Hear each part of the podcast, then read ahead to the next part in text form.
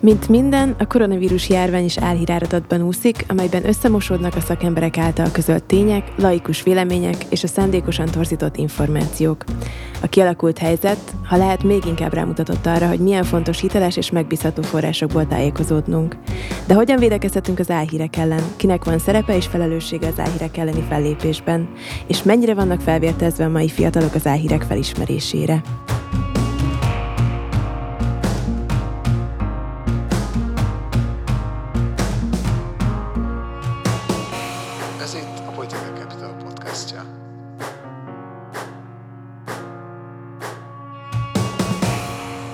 Bálint Kata vagyok, vendégeim Tímár Borbála, tanár, médiapedagógus és médiatudatosság szakértő, a Televele Médiapedagógiai Műhely Egyesülettől és Urbán Ágnes, a Mérték Média Elemző Műhely alapító tagja és kutatója, a Corvinus Egyetem egyetemi docense és az Infokommunikációs Tanszék vezetője. Köszönöm, hogy elfogadtátok a meghívásunkat. Kezdjünk akkor egy bevezető játékkal. Ha minden erőforrás és végtelen befolyás a rendelkezésetekre állna, hogyan küzdenétek az álhírek a dezinformáció ellen, akár oktatáspolitikai, akár médiapiaci, akár jogalkotási szinten? Mik a leghatékonyabb módszeri az álhírekkel szembeni fellépésnek szerintetek? Nyugodtan engedjétek el a képzelőerőtöket. Urbán Ágnes. Hú, én azt gondolom, hogy ez egy nagyon összetett probléma halmaz, és nincs is egyetlen jó megoldás. Tehát ez egy valószínűleg egy ilyen never ending story lesz, és, és nem lesz egy olyan típusú tuti megoldás, ami majd minden problémánkat megoldja, hanem minden megoldásra jönnek majd új problémák, és, és egy ilyen végtelenített küzdelem lesz. Az biztos, ha már itt elhangzott az oktatás szó, hogy az teljesen nyilvánvalóan fontos, és azt gondolom, hogy az egy szükséges, de nem elégséges feltétele annak, hogy ezzel megküzdjünk. Egész egyszerűen azért, mert nagyon hosszú a kifutása. Tehát a jelenlegi problémáinkat nem fogja megoldani az, ha most elkezdünk médiatanárokat képezni, akik tanítanak gyerekeket, akik egyszer majd tudatos felnőttek lesznek. Ennyi időnk nincs most ebben a helyzetben. De, de nagyon fontosak a, a gyors megoldások. Egyrészt a különböző fact-checking portfóliók, amiben benne van a újságírás, akadémia, szakértők, civilek, és mindenki, aki valamilyen módon érdekelt az álhírek legyőzésében. És és vannak olyan típusú proaktív lehetőségek, amelyek igazából megpróbálják valahogy megelőzni az álhírek elterjedését. A, a számomra talán legszimpatikusabb megoldás, vagy legérdekesebb megoldás az, az az volt, ami azt hiszem a szlovákoktól indult, és azóta már több más országban megvalósult, hogy hirdetők figyelmét uh, hívták fel arra, hogy, hogy bizony egy álhíroldalon jelennek meg hirdetéseik, és uh, hát ezek a nagy cégek ugyanezt előzetesen nem vették észre, de amikor rájöttek, hogy hova keveredtek, akkor akkor azért eléggé gyorsan reagáltak. Lényeg az, hogy, hogy sikerült a, a pénzügyi érdekeltséget egy kicsit, kicsit megszüntetni, és, és azt gondolom, hogy ez mindenféleképpen egy nagyon izgalmas dolog, általában véve gazdasági irányból, tehát a pénztermelő lehetőség csökkentésével gazdasági irányból érdemes egy kicsit folytogatni ezeket a, az álhír építő szervezeteket. És hát talán ez a, ez a portfólió így összességében az, az valamelyes segíthet a, a probléma megoldásában. Rendben, köszönöm. És Bori, mint pedagógus tanár, te hogy látod ezt a kérdést? Én nagyon hasonlóan látom ezt a kérdést, de természetesen, hogyha már álmodozni kell, akkor én az oktatás szerepét nagyon kihangsúlyoznám, és egy elképzelt álombeli világban a médiatudatosság oktatása az egy olyan alapvető készség lenne, mint az írás-olvasás vagy a számolás készsége, és integráltan benne lenne a közoktatásban már a kezdetektől, és ugyanolyan alapvető készség szükség lenne, mint ezek a többiek. Jelenleg Finország az egyetlen ország, ahol tanrendbe építve van bármilyen fajta médiatudatosság, oktatás. Ezen kívül nagyon fontosak ezek a technológiai vagy szabályozási oldalról történő kísérletek is, de a legeslegszebb az mégis az lenne, hogyha az egyéneket tudnánk valamilyen módon megváltoztatni, és ez a hatalmas bizalmatlanság, ami jelen pillanatban a hírekkel, a tudományjal, bármilyen fajta jelenséggel, amivel az online médiában találkozunk szemben, kisebb lenne, akkor ezzel a problémával is kevesebbet kéne küzdenünk. Szuper, köszönöm szépen. Akkor térjünk egy kicsit vissza a valóságba, és mindketten oktattok, és ezért is gondoltam, hogy rákérdezzünk, hogy hogyan látjátok ti az álhírek témáját az oktatásban ma Magyarországon, mekkora figyelmet fordítanak erre, akár középiskolában, akár az egyetemeken, és felkészítik-e ezek a, ezeket a diákokat a, arra, hogy felismerjék az álhíreket és védekezzenek az álhírek ellen? Én ugye a közoktatást nem látom, csak a, a felső oktatást, és azon belül is a, a Corvinuszt. Azt gondolom, vagy azt érzékelem, hogy, hogy ez teljesen véletlenszerű, hogy, hogy mennyire kerül be az oktatásba. Nyilván függ szaktól természetesen, de még inkább függ ö, oktatóktól, akik a különböző kurzusaikba beviszik ezt a, ezt a témát, vagy éppen nem viszik be. Alapvetően azt látom az egyetemistákon, hogy, vagy legalábbis nálunk, hogy nem az a baj, hogy hogy elhiszik az álhíreket, sőt, elszörnyedve mesélik, hogy például a nagyszüleik mi mindent elhisznek, és magától értetődően mondják, hogy mindenkit letéltanak, aki álhíreket terjeszt.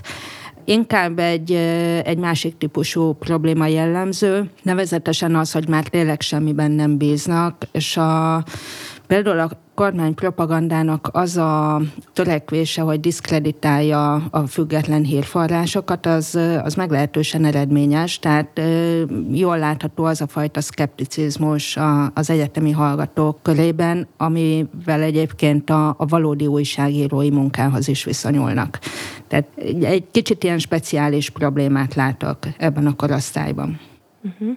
A közoktatásban hivatalosan nem igazán jelenik meg ez, az, ez a témakör, az új nemzeti alaptantervben még a korábbiaknál is kisebb hangsúly jut a mozgókép kultúrás média ismeret oktatásra, és csak 12. évfolyamban, ami pedig a legfőbb terepe lehetne a, erről a témáról való beszélgetésnek elvileg ez a téma nagyon sok helyen, nagyon sok tantárgyban kereszt hivatkozásszerűen megjelenik, de a tapasztalatok és a megjelenő új tankönyvek azt mutatják, hogy miután a tankönyvírók sem ismerik ezt a területet, sem a szakmai tudásuk, sem a módszertani ismereteik nincsenek meg ahhoz, hogy ezzel a területtel érdemben foglalkozni tudjanak, még ha egy tankönyvben meg is jelenik ez a téma, akkor is ez nem alkalmas arra, hogy iskolában tanítsuk. Nagyon nagy probléma probléma az, hogy a tanárképzésben egyáltalán nincsen médiatudatossággal történő foglalkozás, a ezzel foglalkozó szervezetek évek óta lobbiznak azért, hogy valamilyen módon bekerüljünk a tanárképzésbe, és ott akár alapkurzusként ezt fölvegyék a pedagógus hallgatók, de ilyen nincsen. A fiatalabb korosztálynak az elhíroktatásával az is nagyon problémás, hogy nem nagyon vannak információink arról, hogy ez a korosztály hogyan és milyen módon fogyaszt híreket. Én azt gondolom, hogy igen, tehát hogy a közösségi média média számukra szolgál hírforrásul, csak azok annyira különböznek azoktól a hírektől, amikkel mi találkozunk, hogy nem is ismerjük föl, és nem is nagyon van kapcsolódási pontunk. Nem véletlen az, hogy nemzetközi szinten sem nagyon van a 13 éves kor alattiaknak álhírekkel foglalkozó, vagy az információ hitelességével foglalkozó tananyag. Most találtam meg nem olyan rég azt, hogy a Media Smart Kanada, akik sok évvel ezelőtt csináltak egy nagyon kedves videót a házi vízilóról, és ezzel próbálták meg a kisebb, a kifejezetten alsódagozatos korosztályt megszólítani, és ezt a Magyar Media Smart is lefordította ezt a videót, és ez fönn a Magyar Media Smart honlapján, és ennek most készült egy új változata, és náluk van egy kicsi teszt, ahol állatokról szóló képek vannak, és arról kell megállapítani, hogy most akkor ez a színes mókus, ez photoshopolva van-e, vagy ez tényleg egy színváltós mókus, aki ennyire sokszínű tud lenni, és akkor egy ilyen pici kvíz van, de ennél mélyebben nem tudunk ennél a korosztálynál menni.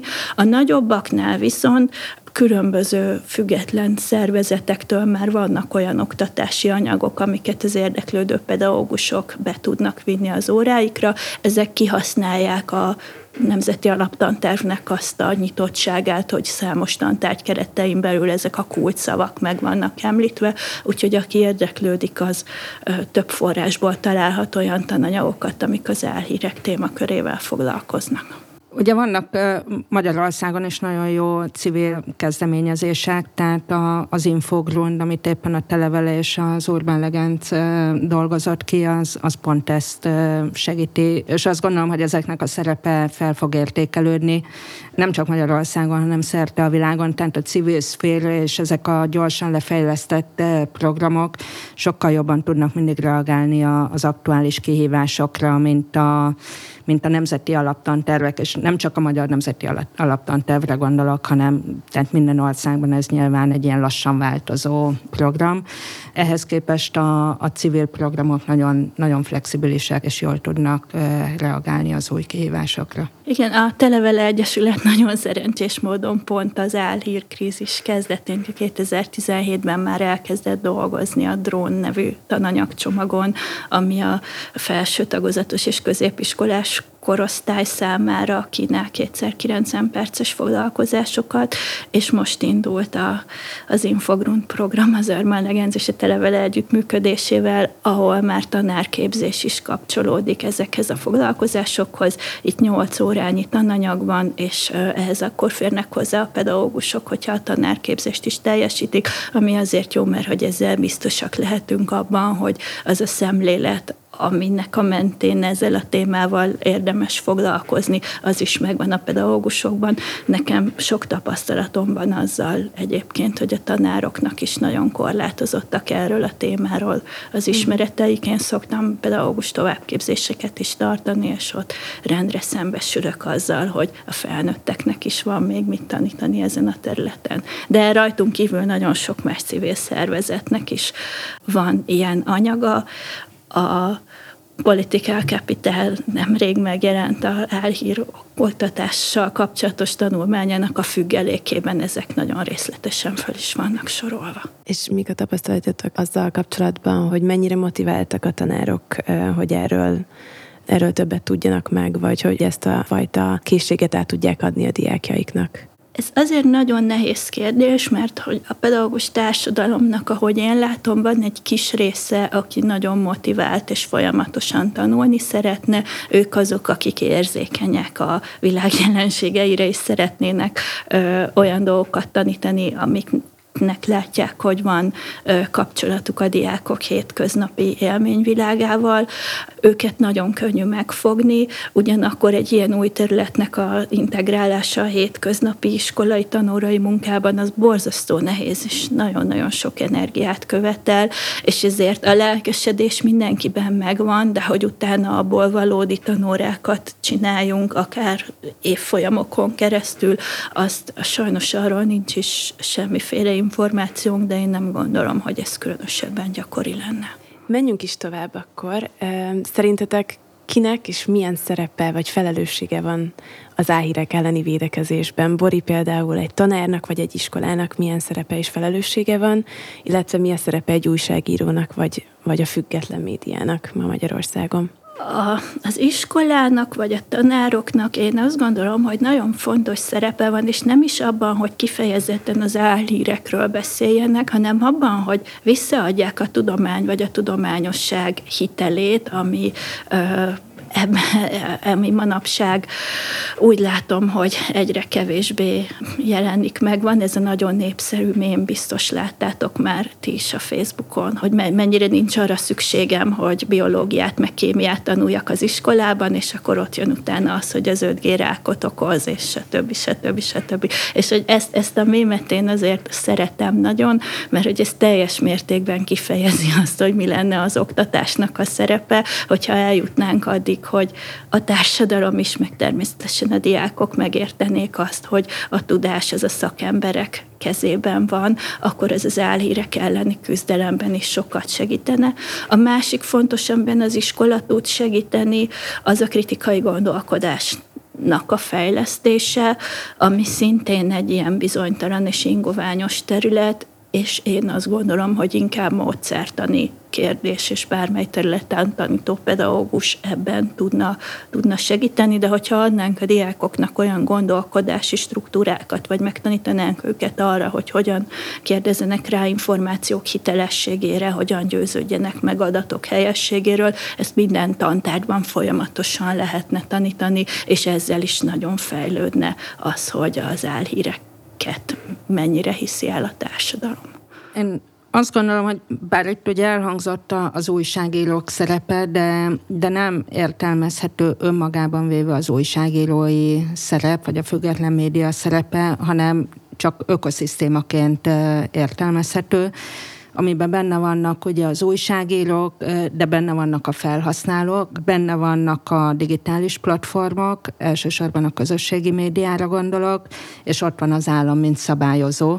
Tehát minimum ennek a, a négy szereplőnek, vagy ennek a négy halmaznak együtt kell működni ahhoz, hogy eredményesen lehessen küzdeni az álhírek ellen. Az biztos, hogy az újságírói szerep és a minőségi újságírás szerepe az nagyon-nagyon fontos, tehát egész egyszerűen azért, hogy a, az álhíreknek meg legyen a, a maguk cáfolata, és legyen, legyen tényalapú információ de, de önmagában ez nem elég, de azt látjuk most, hogy, hogy egészen elképesztő hatékonysággal terjednek a, az álhírek, elsősorban a közösségi médiában, és, és sokkal kisebb hatékonysággal tudnak működni, és tudják az információt elterjeszteni a különböző független médiumok. Ráadásul ugye a Political Capital korábbi podcastjaiban már többször elhangzott az a, az a közismert állítás, hogy ugye a, az álhír az mindig sokkal izgalmasabb és, és sokkal szexibb, mint a sokszor száraz és tudományos valóság. Tehát, hogy eleve van egy ilyen, hogy mondjam, versenyhátránya a valóságnak. De van egy olyan probléma is, hogy, hogy ugye ezek a digitális platformok nem csak és kizárólag a terjesztés hatékonysága miatt ártanak sokat, tehát az álhírek terjesztésének a hatékonyságával, hanem ugye tönkretették lényegében a média üzleti modelljét, és, és elszívják a bevételeket és most például a, a járvány idején egészen direktben lehetett látni azt, hogy mennyire ki vannak véreztetve a médiavállalatok. Gyakorlatilag, hát itt Magyarországon már a járvány második hetébe arról jöttek a hírek, hogy fizetéscsökkenések és elbocsájtások vannak, ami azt jelenti, hogy nagyjából pont nulla tartalékkal, nulla forint tartalékkal működnek a nagy médiacégek, ami egészen katasztrofális kiszolgáltatottságot és sebezhetőséget jelent. Tehát igazából azt gondolom, hogy a, az újságírók és a média az nagyjából eljutott a teljesítő képessége határáig, és nem nagyon hiszem, hogy az várható. Például itt Magyarországon, hogy az eddigieknél sokkal eredményesebben, vagy sokkal nagyobb intenzitással tudják a egyébként gombamorra szaporodó álhíreket e, leleplezni. Itt ugye nagy kérdés, hogy majd a digitális platformokat hogy lehet megfogni, illetve hogy a, az állam, akár itt Magyarországon, de, de bármely más országot mondhatunk, hogy az állam milyen eszközöket talál arra, szabályozóként, vagy bármilyen más módon, hogy, hogy valahogy ezeket a, az álhírgyárakat leállítsa. És hát ugye van egy speciális magyar probléma, hogy itt hogy úgy mondjam, nem áll nagyon-nagyon távol az államtól és a kormányzattól az álhírek fő forrása, tehát ilyen szempontból mi itt Magyarországon különösen kiszolgáltatott helyzetben vagyunk. Ha már így belementünk ebbe, és bár ez egy nagyon nehéz kérdés, de csak felteszem, hogy szerinted milyen hatása lehet a koronavírus járványnak hosszabb távon és a gazdasági válságnak a mai magyar médiára, és itt a független médiára gondolok természetesen. Őszintén szólva fogalmam nincs, mert hogy azt kéne tudni, hogy mi lesz a járványjal. Én most még azt sem tudom pontosan, hogy az első hullám végét, vagy a második hullám elejét éljük, és hogy egyébként hány hullám lesz még, és mikor lesz meg a vakcina. Tehát, hogy mhm. ez, ez mondjuk egy alapkérdés.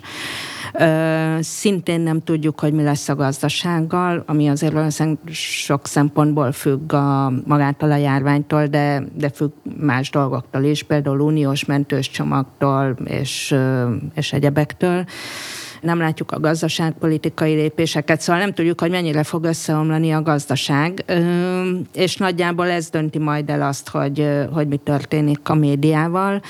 Amit én látok, meg hallok médiavállalati vezetőktől, az igazából egyáltalán nem ad okot optimizmusra, tehát tényleg arról van szó, hogy, hogy pengeélen táncolnak, és, és azt gondolom, hogy még a legnagyobb médiumok esetében sem lehetünk biztosak abban, hogy jelentős vérveszteség nélkül megúszszák ezt, a, ezt az egész helyzetet. De tényleg jósnak kéne lenni ahhoz, hogy lássuk, hogy mi fog történni nekem őszintén szólva fogalmam nincs, hogy, hogy mi lesz itt a következő hónapokban. Rendben, most kanyarodjunk egy kicsit vissza Borihoz. Mi itt a Political Capitalnél kiemelten foglalkozunk amúgy az álhírek, a dezinformáció témájával, és nemrég a témában szerveztünk egy webinárt, aminek kapcsán erre szerettük volna a részvevőket képezni, hogy az álhírek ellen védekezni tudjanak, és fel tudják ismerni azokat. Neked mik a tapasztalataid, mennyire lehetnek az ilyen jellegű képzések hatásosak, kiket érdemes képezni, és milyen módszertan alapján? Ez egy nagyon nehéz kérdés. Elsősorban azért, mert borzasztóan nehezen mérhető az, hogy egy ilyen típusú, rendkívül bonyolult témában a képzésnek egyáltalán bármilyen ö, hatékonysága van-e, tehát hogy, hogy működik ez. Amit én látok, amikor hasonló képzéseket tartok, az az, hogy igen, van haszna, hogy addig még egy ilyen nagyon rövid, akár 90 perces előadáson is el lehet jutni, hogy a résztvevők elkezdenek gondolkodni ezen a témán, hogy egy kis szemléletváltás el tud bennük indulni. Én nagyon sokszor kapok visszajelzést egy ilyen rövid előadás után is, hogy rengeteg olyan dolgot mondtam, amire ők nem is gondoltak korábban, és amiről nem tudták, hogy fontos, és á, hogy ezt most már itt sokkal jobban értik. És ez talán jó kiinduló pont lehet ahhoz, hogy a saját folyamatos ezután következő média használatukba ezeket a tapasztalatokat beépítsék, de az, hogy az ilyen típusú oktatás az valóban képes-e arra, hogy fejlesz-e a média műveltséget, vagy tudatosítsa az álhírekkel kapcsolatos hát, önvédelmi képességeinket, abban nem vagyok biztos, és különösen azért nem, amit az Ági is mondott az elején, hogy ez egy folyamatosan változó világ, és hiába próbálunk ellene küzdeni, mindig az álhírek lesznek egy lépéssel előrébb, és Például én is van olyan, hogy, hogy elhiszek egy álhírt, például a koronavírus járvány idején terjedő ilyen áltudományos információkból. Én is pont amiatt, hogy ezen a területen, mondjuk a biológia vagy az orvostudomány területén kevésbé vagyok tájékozott, könnyen elhittem olyan információkat, amikből aztán álhírek lettek, és ez a második része a válaszomnak, hogy önmagában az kevés, hogyha hogyha az ember elméletben, vagy egy ilyen, ilyen típusú oktatáson, akár gyakorlatban is találkozik álhírekkel, és megtanulja azokat a paterneket, mintázatokat fölismerni, amik mentén az elhíreket könnyű fölismerni. Nagyon fontos ehhez a kritikai gondolkodás mellett, hogy legyenek tárgyi ismereteink azokról a területekről, amelyekről olvasunk, mert hogy az is tapasztalat, hogy az ember azokat az elhíreket hiszi el kevésbé, amik olyan dolgokról szólnak, amik kező alapvetően ért, vagy amiket ismer. Úgyhogy ezért azt gondolom, hogy az ilyen típusú képzéseknek a lehetőségei korlátozottak, ugyanakkor nagyon-nagyon fontosak, pontosan azért, mert szemléletváltást vagy attitűdváltást el tudunk velük érni, ami az első lépése lehet annak, hogy, hogy az emberben ösztönné váljon az, hogy végig gondolja azt, amikor valami új információval találkozik, hogy az hiteles lehet-e vagy sem. És hogy lehet, kiket érdemes képezni? Ez is egy nagyon jó kérdés. Én azt gondolom, hogy jelen helyzetben mindenkit érdemes lenne képezni, mert hogy, a te, mert hogy ez mindannyiunk számára egy új jelenség, az elhírek ilyen módon és ilyen mennyiségben még soha nem voltak jelen, és erre mindannyian felkészületlenek vagyunk, felkészületlenek a gyerekek, és őket ugye azért is nehéz felkészíteni, mert nem értünk nagyon sokat abból a média környezetből, amikben ők vannak. Felkészületlenek a fiatal felnőttek, az egyetemisták is, meg az idősebbek is, és aztán a legidősebb korosztály, ők meg különösen azért érintettek ebben, mert az ő számukra még nehezebb azt felfogni, hogy a médiából származó információ az nem egyértelműen biztonságos és, és hiteles. Borita, erre már utaltál, de a záró kérdésem az lenne, hogy döltetek-e már be álhírnek, és ha igen, akkor mi volt az?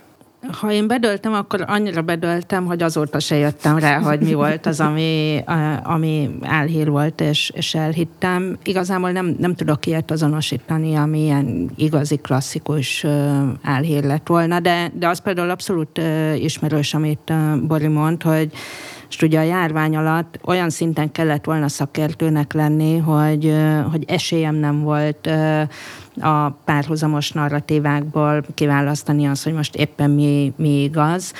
És ez szerintem egy új helyzet volt valószínűleg sokunk számára, mert hogy a társadalomtudományokban meg, megszoktuk azt, hogy itt vannak ilyen jó kis vitakérdések, és ebből is igaz valami, meg abból is, lehet, lehet jókat beszélgetni ezekről, de hogy én például azt gondoltam, hogy azért a természettudományok sokkal exaktabbak, tehát hogy így tudjuk, hogy mi van, meg lehet mérni, és akkor, akkor itt nincs vita és megdöbbenve tapasztaltam, ez valószínűleg eddig is így volt, csak nem, nem vettem észre, hogy, hogy egy adott terület avatott szakértői között óriási nagy viták vannak, és, és igazából itt állunk több hónappal a járvány kitörése után, és alapdolgokat nem tudunk.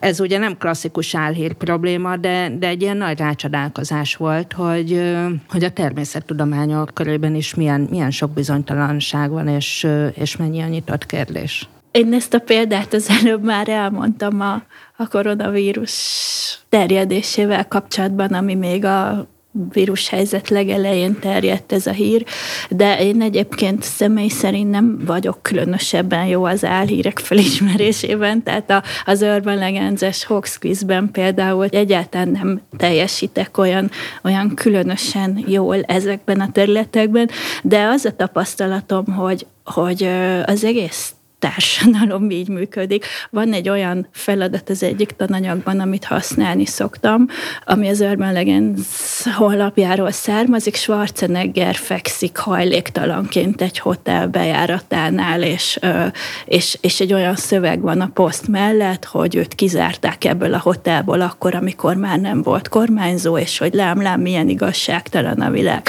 És akkor ez szokott egy ilyen tényellenőrző feladatsor alapja lenni, és ott az azzal kezdődik, hogy szavazást indítok a gyerekek között azzal, hogy ez a hír most vajon igaz-e vagy sem, és ez egy szuper jól működő hír, mert hogy általában fele-fele szokott lenni az eredmény, akár gyerekeknél, akár felnőtteknél teszem ezt föl, és ez nagyon szépen bizonyítja azt, hogy, hogy ránézésre nagyon kevesen tudjuk megmondani egy információról, hogy ez most igaz-e vagy sem.